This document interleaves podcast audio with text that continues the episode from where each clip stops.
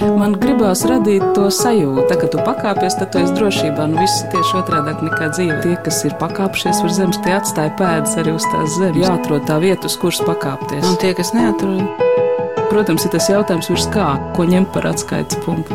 augstāk par zemi. Augstāk par zemi. Augstāk par zemi. Es esmu pārgurusi. Skaties, viņas acis tik siltas. Tas smaida. Acis. Acis uztver gaismu, un pēc tam optisko nervu nosūta uz smadzenēm.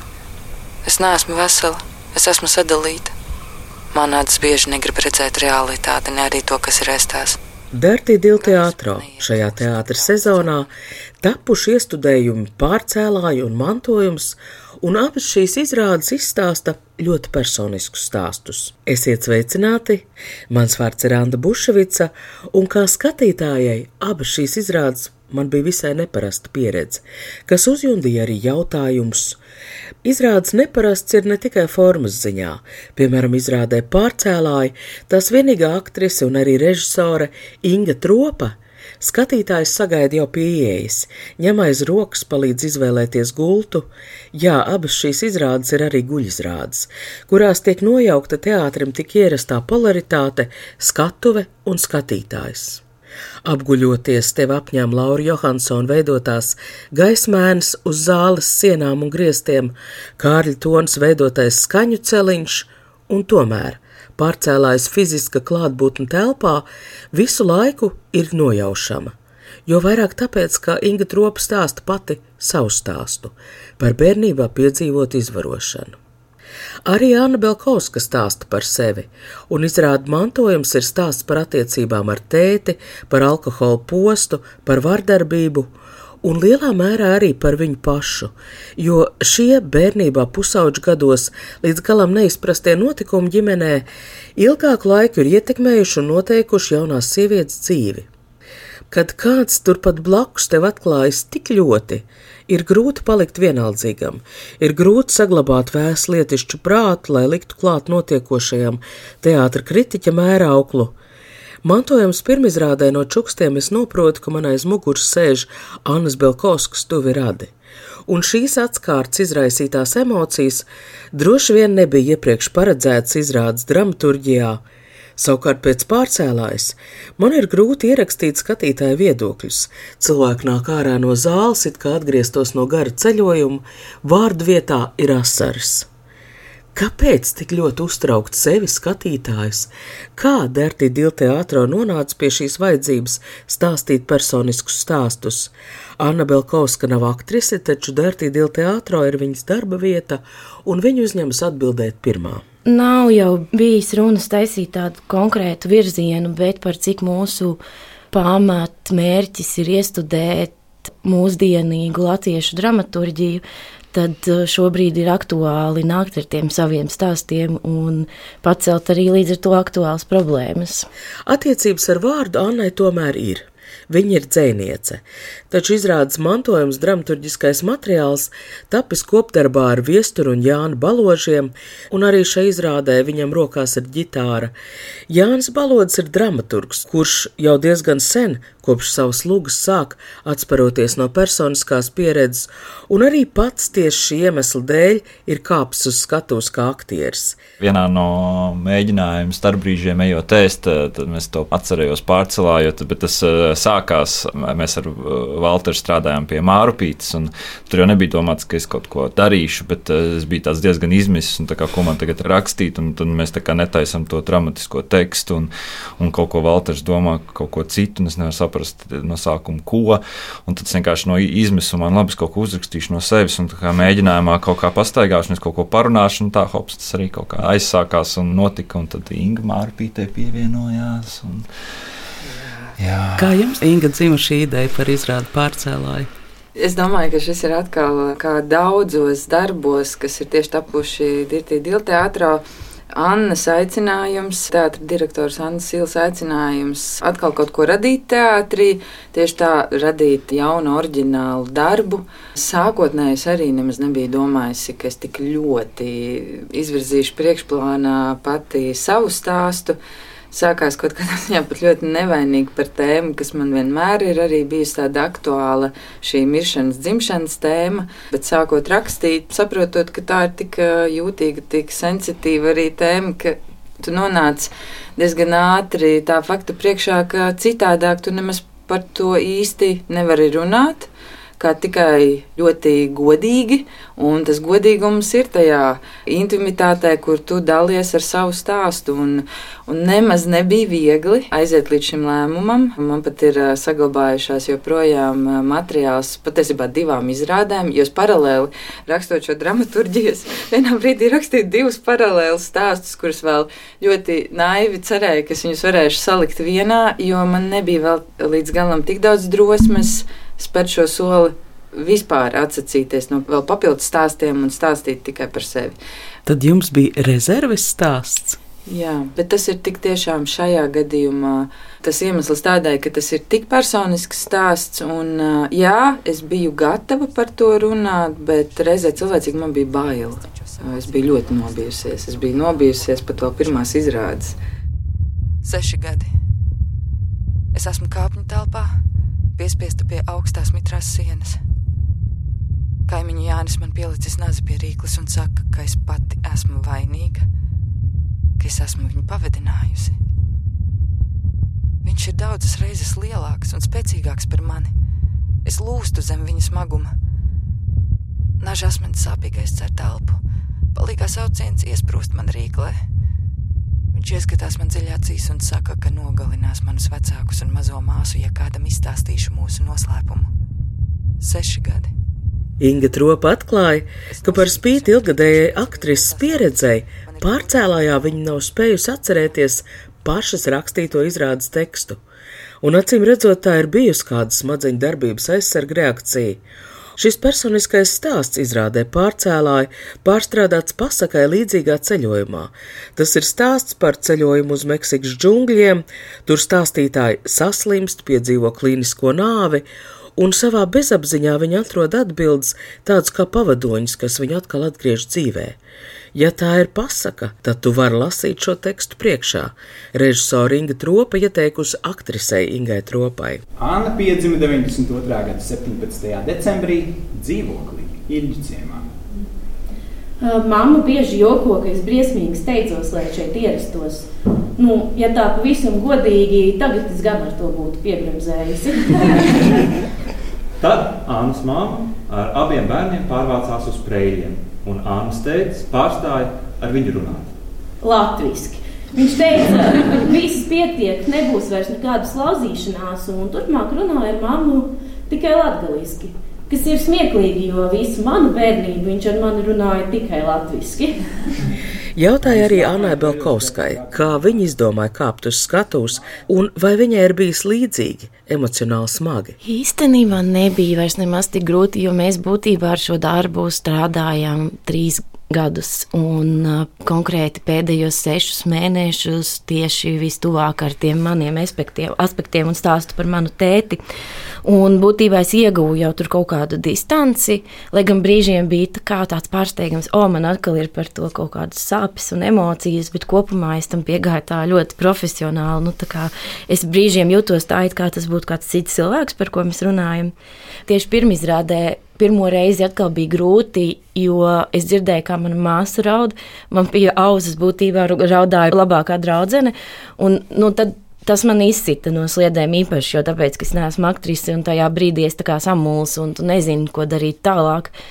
Bet tad, kad ir sveši cilvēki, es īstenībā jūtu viņiem līdzi vairāk nekā sev, tāpat kā es jūtu līdzi vairāk savai māsai, jo es jau ar to visu, par ko mēs tur runājam, esmu tikusi galā viņiem tā ir pirmā reize to dzirdot. Tas ir, manuprāt, daudz sāpīgāk. Es vairāk tiešām pārdzīvoju par viņiem nekā par sevi izrādes laikā. Annas draugi, viņas skatuves partners Jānu un Viesturu baložus sauc par viņas miesas sargiem, un kaut kas sargājošs ir tajā, kā Anna stāstu viņa izstāsta trietā. Man un Viesturam bija tas jautājums, ko mēs tur darām īsti, bet tas, ka mēs bijām kuriem Anna to izstāstīja pirmajiem, un ka viņi vēlējās, Anna teica, ka viņi negribētu būt arī viena, tad, jā, tad kā mēs varam būt kaut kā tāda nu, siena vai kaut kā palīdzam to kopā izdarīt. Mēs būtībā izgājām cauri visai manai biogrāfijai, un tīri mēs nosēdāmies trietā. Es, Jānis un Iesturs, un Jānis un Iesturs man intervēja. Tādā savā ziņā, it kā es būtu nevis viņu kolēģis šajā projektā, bet kā, tas cilvēks, par ko tiek stāstīts. Nu, it kā es pati tur nebūtu iesaistīts. Mēs divas stundas veidojām ierakstu, lai viņiem rastos priekšstats par to manu laika līniju. Mēs intervējām arī manu mammu par viņas attiecībām ar manu tēti pirms manas piedzimšanas vai vispār lietām, ko tikai viņi var atcerēties. Un tad no šīm intervijām mēs likām, pievienojot arī manas šī brīža emocijas un skatījumu uz to visu. Mēs salikām to tekstu kopā un arī lasījām literatūru, rakstus par vardarbību, par bērnības traumām, gājām runāt uz centru mārtu ar sociālajām darbiniecēm, ar manu terapeitu par vardarbību. Un mēs skatījāmies uz to manu dzīvi, manām emocijām, arī savā ziņā kā tādu dokumentālu materiālu un dokumentu. Kā dokumentu. Jā, jā labi, ka bija saglabājušās Anna šīs īsiņas no 19. gada, tas arī bija ļoti konkrēts dokuments, kur mēs visu izvilkām ārā un lasījām cauri. Un, jā, distance bija iespējams izveidot tā laika gaitā, bet tas bija tāds, ka tāds, fuh, kā tas viss, uz ko tas iet tajās īsiņās. Nu, tu saproti, Anna, man liekas, ka redzēja mūsu viesturu sejas.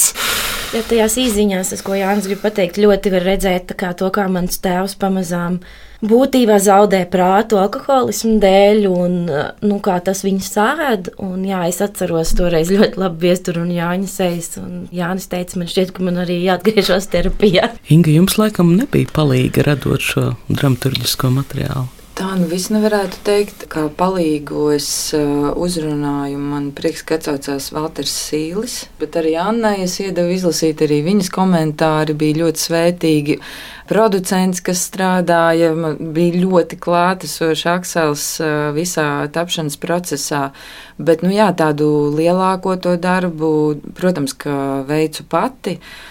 Un te jau mēs aizskaram par to distancēšanos. Jā, Manā gadījumā tas ir ļoti garš ceļš, tiešām noiets caur eh, gan to, ko jau es tur izrādēju, saku, caur dažādām terapijām un visādiem ceļiem, dažādu pētījumu, lasīšanas un vispār to visu savas dzīves garumā. Liekot to puzli kopā un mēģinot saprast, kas vispār notika un kā tālāk dzīvot. Tas darbiņš ir diezgan liels ieguldīts, un tas arī ir tas, kas Es domāju, tas brīdis, kurā tu jūties, ka tu vari ar to jau sākt spēlēties. Protams, ka izrādē ir kaut kādi arī tie brīži, kur uh, ļoti precīzi Anna pateica, tieši tā ne jau par sevi. Es arī tur pārdzīvoju. Man izsit tas, ka es redzu, cik ļoti tas uh, sāpīgi trāpa tos līdzcilvēkus, kas ir atnākuši. Pat svešus dažkārt man bija pat izrāde, kur uh, skatītājs piedzīvo ļoti nu, lielu trauksmi izrādes laikā.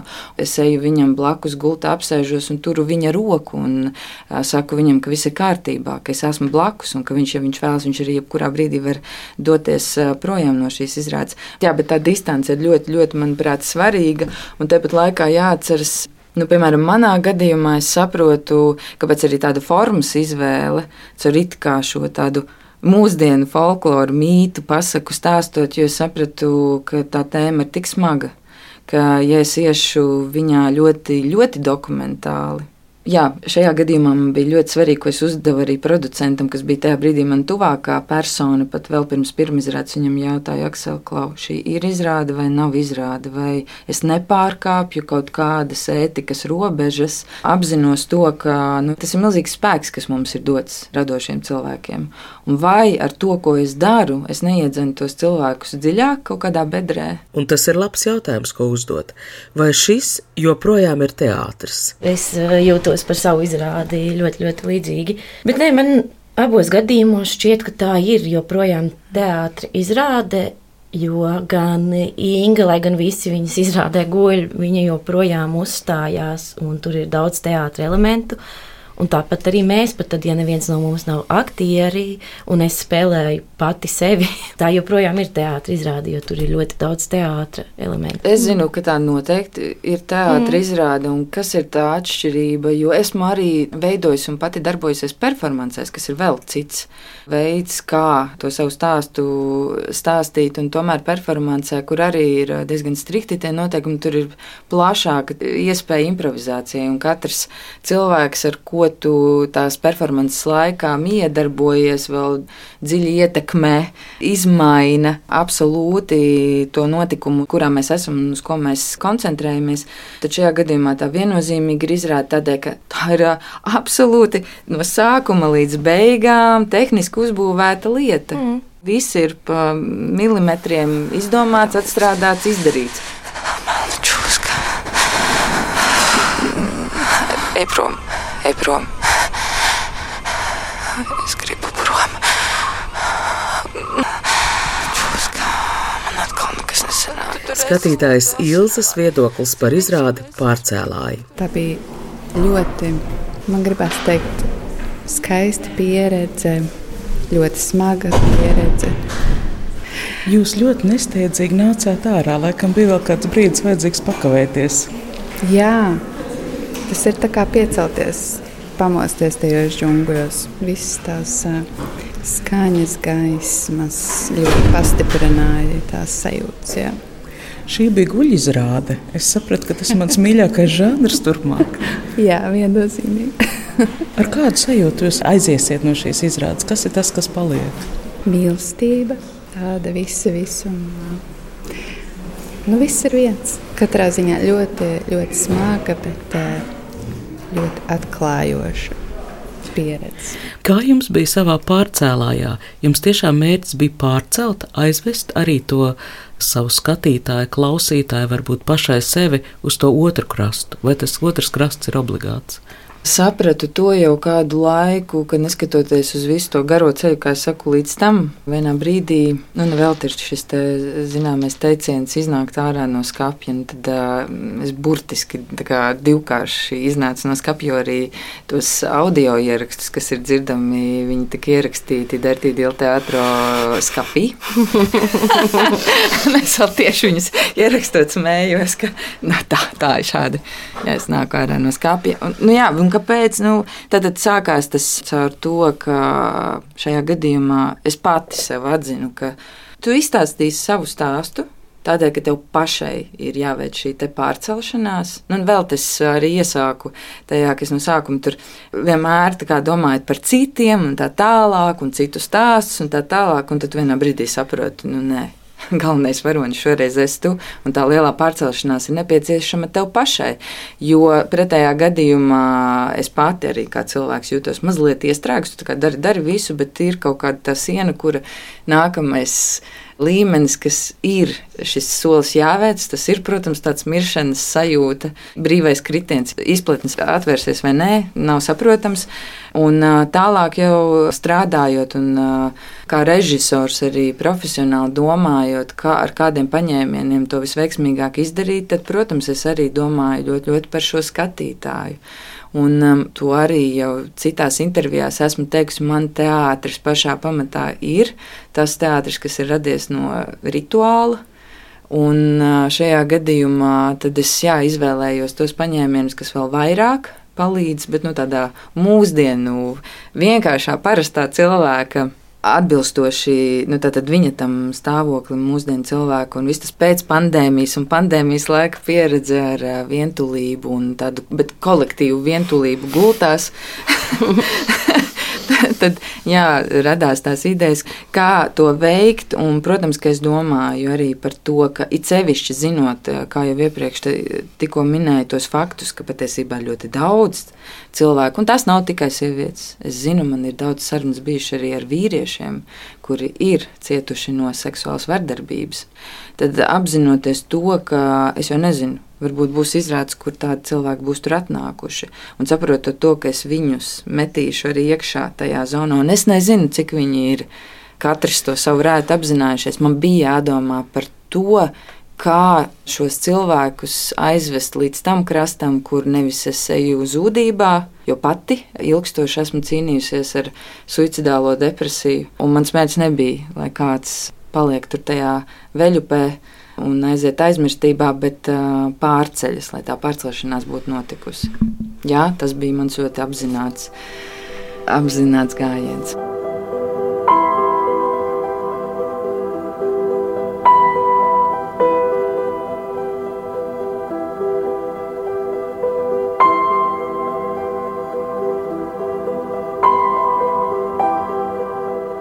Ingu tropu guļizrādē iedvesmojusi pandēmijas pieredze, un izrādē pārcēlāja tas ir visai veiksmīgs risinājums. Armijas brezenta gults ir ērtas, guļus stāvoklis ļauj koncentrēties stāstītāja balsī, un atrašanās guļus stāvokli izmaina arī skatu punktu. Es jau iepriekš pieminēju griestos un pa sienām garām slīdošās gaismas. Izrāde mantojums iesākas kā parasti. Skatītājs sēž zālē skaidri iezīmēta skatuve, kaut kur izrādes vidū skatītāji tiek aicināti piecelties, sanākt kopā telpā, kur rindās izvietot madrači, lai turpinātu sekot aktieru darbībām. Nāks pusguļu stāvoklī grozīties līdzi, un jāteic, ka tas nav visai ērti. Taču izrādē mantojums šķiet koptelpai un madračiem ir pavisam cita jēga nekā pārcēlājā. Tas varbūt nāca no nedaudz sautīgiem iemesliem, bet kas arī īstenībā strādā, jo es nevarētu vienkārši apsēsties vai stāvēt skatītāju priekšā un pastāstīt to, kas notika man vajadzēja to, ka viņi guļ, un es zinu, ka man cilvēki ir līdzās esoši, bet tāpat laikā es neredzu, kā viņi uz mani skatās. Un arī, ko mēs paskaidrojam, izrādē, ka man ir pieredze ar pidžamu ballītēm, kur es guļu, nezinu, kempingos vai bērnībā kopā ar saviem draugiem, un tā ir tāda ļoti saliedējoša pieredze, kurā ir vieglāk runāt par to, kas tev sāp. Un es esmu pieredzējis, kā ne tikai es, bet daudz mani draugi dalās ar saviem lielākajiem pārdzīvojumiem. Tieši tad, kad viņi guļ man blakus, es viņus nesatraucu uz viņiem skatoties, bet viņi zina, ka es tur esmu. Un tāpēc mums tas bija svarīgi. Tētīs mani sauc par Bebulīti. Īziņās un klātienē Rīgā, Rēļos, Ļaudonā, starp ģimeni un draugiem. Zana Vāgnere par izrādu mantojums. Tas ir tik skaisti, ka cilvēki runā par jūtām, ir spējīgi runāt par jūtām, parādās savas dziļākās dzīves un sāpes un to piedzīvojumu, ka viņi spēja runāt par to un redzēt, kā tas ir no daļa gan no tās lielās struktūras un kā tas ir tas viņu mantojums. Viņi ir gan daļa no tā, un viņi arī atsakās no tā, jo tas ir ļoti sāpīgs. Tas, ka cilvēki dalās ar jūtām, palīdz pārējiem runāt par to, piedzīvot šo izrādi, tiešām varēja sajust to kopību ļoti grūtu, grūtā situācijā. Es pārsītu galvu pret galda stūri, spēlējot aklās vistiņas aizgāja pie vecākiem uz virtuvi un teica, smējās no stresa. Atšķirībā no pārcēlājas, kurā personiskais stāsts ir integrēts kādā lielākā pasakas vai ezoterikas stāstā ar obligātu atrisinājumu, Izrādes mantojums stāsts šaudās no tēmas uz tēmu. Skatītājai Zanē Vāgnerē šķiet, ka izrādes stāsts ir tikpat sarežģīts kā dzīve, un viņa zinoši arī izskaidro, kāpēc vardarbība ģimenē, pret kuru mums visiem it kā ir viennozīmīgi nosodoša nostāja, tomēr ir tik grūti izskaust. Par lieliem neatbildētiem jautājumiem, kā mēs varam izmainīt to tuvāko, ja viņš, viņam ir pilnīgi vai viņai pilnīgi citi uzskati. Un tur jau ir tas skaistums, ka, ka mēs varbūt tajā cilvēkā mīlam 95%, bet kā runāt par tiem 5%? Un man liekas, mākslinieks ļoti skaisti parādīja to, ka nav tādēļ jāatsakās no otra, ja ir tie 5 ļoti grūtie procenti, bet ir jārada šī vide, tāda vide, kur ir iekļaujošā vide arī tam otrajam, lai spētu sākt runāt.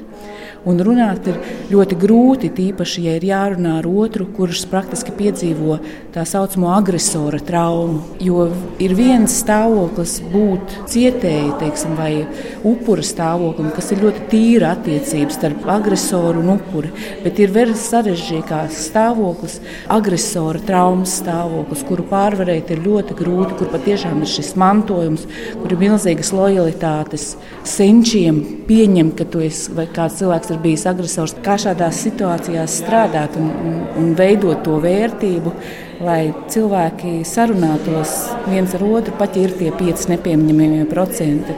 Un tas, laikam, priekš manis arī bija tas, ka tas stāsts ir, ir ar to mēģina stāstīt un dalīties, tāpēc, ka, tāpēc, ka tas ir dzīve apliecinošs dzīvē, un tas ir, ko es mācot, un kas man ir mācīts ka tajā cilvēkā savienojas nesavienojams lietas, un tāpēc tas ir stāstīšanas, un tāpēc tas ir jāatgādina. Tāpēc, zināmā mērā, ar to mēģina arī pretoties tam, ka kaut kādas lietas mēģina vienkāršot vai pateikt kaut kādu plakātu, vai arī jā, ko man ar to jāsaprot. Man, vai jābūt visam kaut kā skaidram. Nē, tas ir tev. Tev ir ierosina jautājums, un tu nezini, un tu nevari pielikt to pirkstu. Ir tā. Un man šķiet, ka ir tas jāmēģina mm, darīt. Un tad katrs mēģināt atrast, kā man tagad ar to būt. Un nav tāda recepte, kā ar to atrasties. Un tur, kur es neskatos, tur šobrīd viss viņojas. Gaisma. Izstāstiet, kā jūs tajā stenderē braucāt pakaļ. Jā, tā tad uh, izrādē mantojums uz skatuves scenogrāfijā ir stenderi no mana tēta dzīvokļa.